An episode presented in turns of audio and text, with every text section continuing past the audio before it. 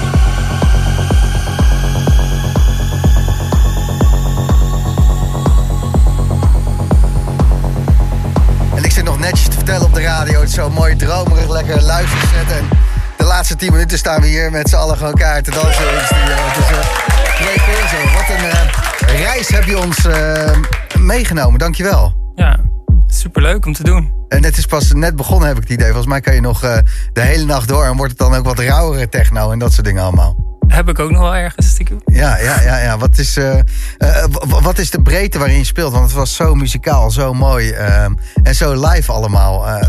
wat, ja, wat is de bandbreedte? Ja, ik, ik ben zelf heel erg van de elektronica. En ik luister natuurlijk ook heel veel techno. Dus mm. ik, ik, ik, blijf een beetje binnen dat spectrum van de ene kant naar de andere. En uh, soms is dat uh, gewoon 4x4 techno knallen. Yeah. Soms is dat broken beat of iets anders geks. Het kan, kan alle kanten op. En wanneer is dat begonnen, die liefde voor jou? Want je hebt echt de hele DJ-boot volgebouwd met apparatuur. modelers, synthesizers, gewone synthesizers, Ableton, drumcomputers. De hele handel. Wanneer had je voor het eerst een elektronisch muziekapparaat in je handen en dacht je van...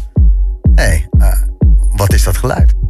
Ja, dat is wel grappig, want ik speelde hiervoor gitaar. Uh, op mijn vijfde al speelde ik gitaar. Uh, eerst akoestisch, toen elektrisch. Toen ging ik dingetje opnemen, toen ontdekte ik het produceren.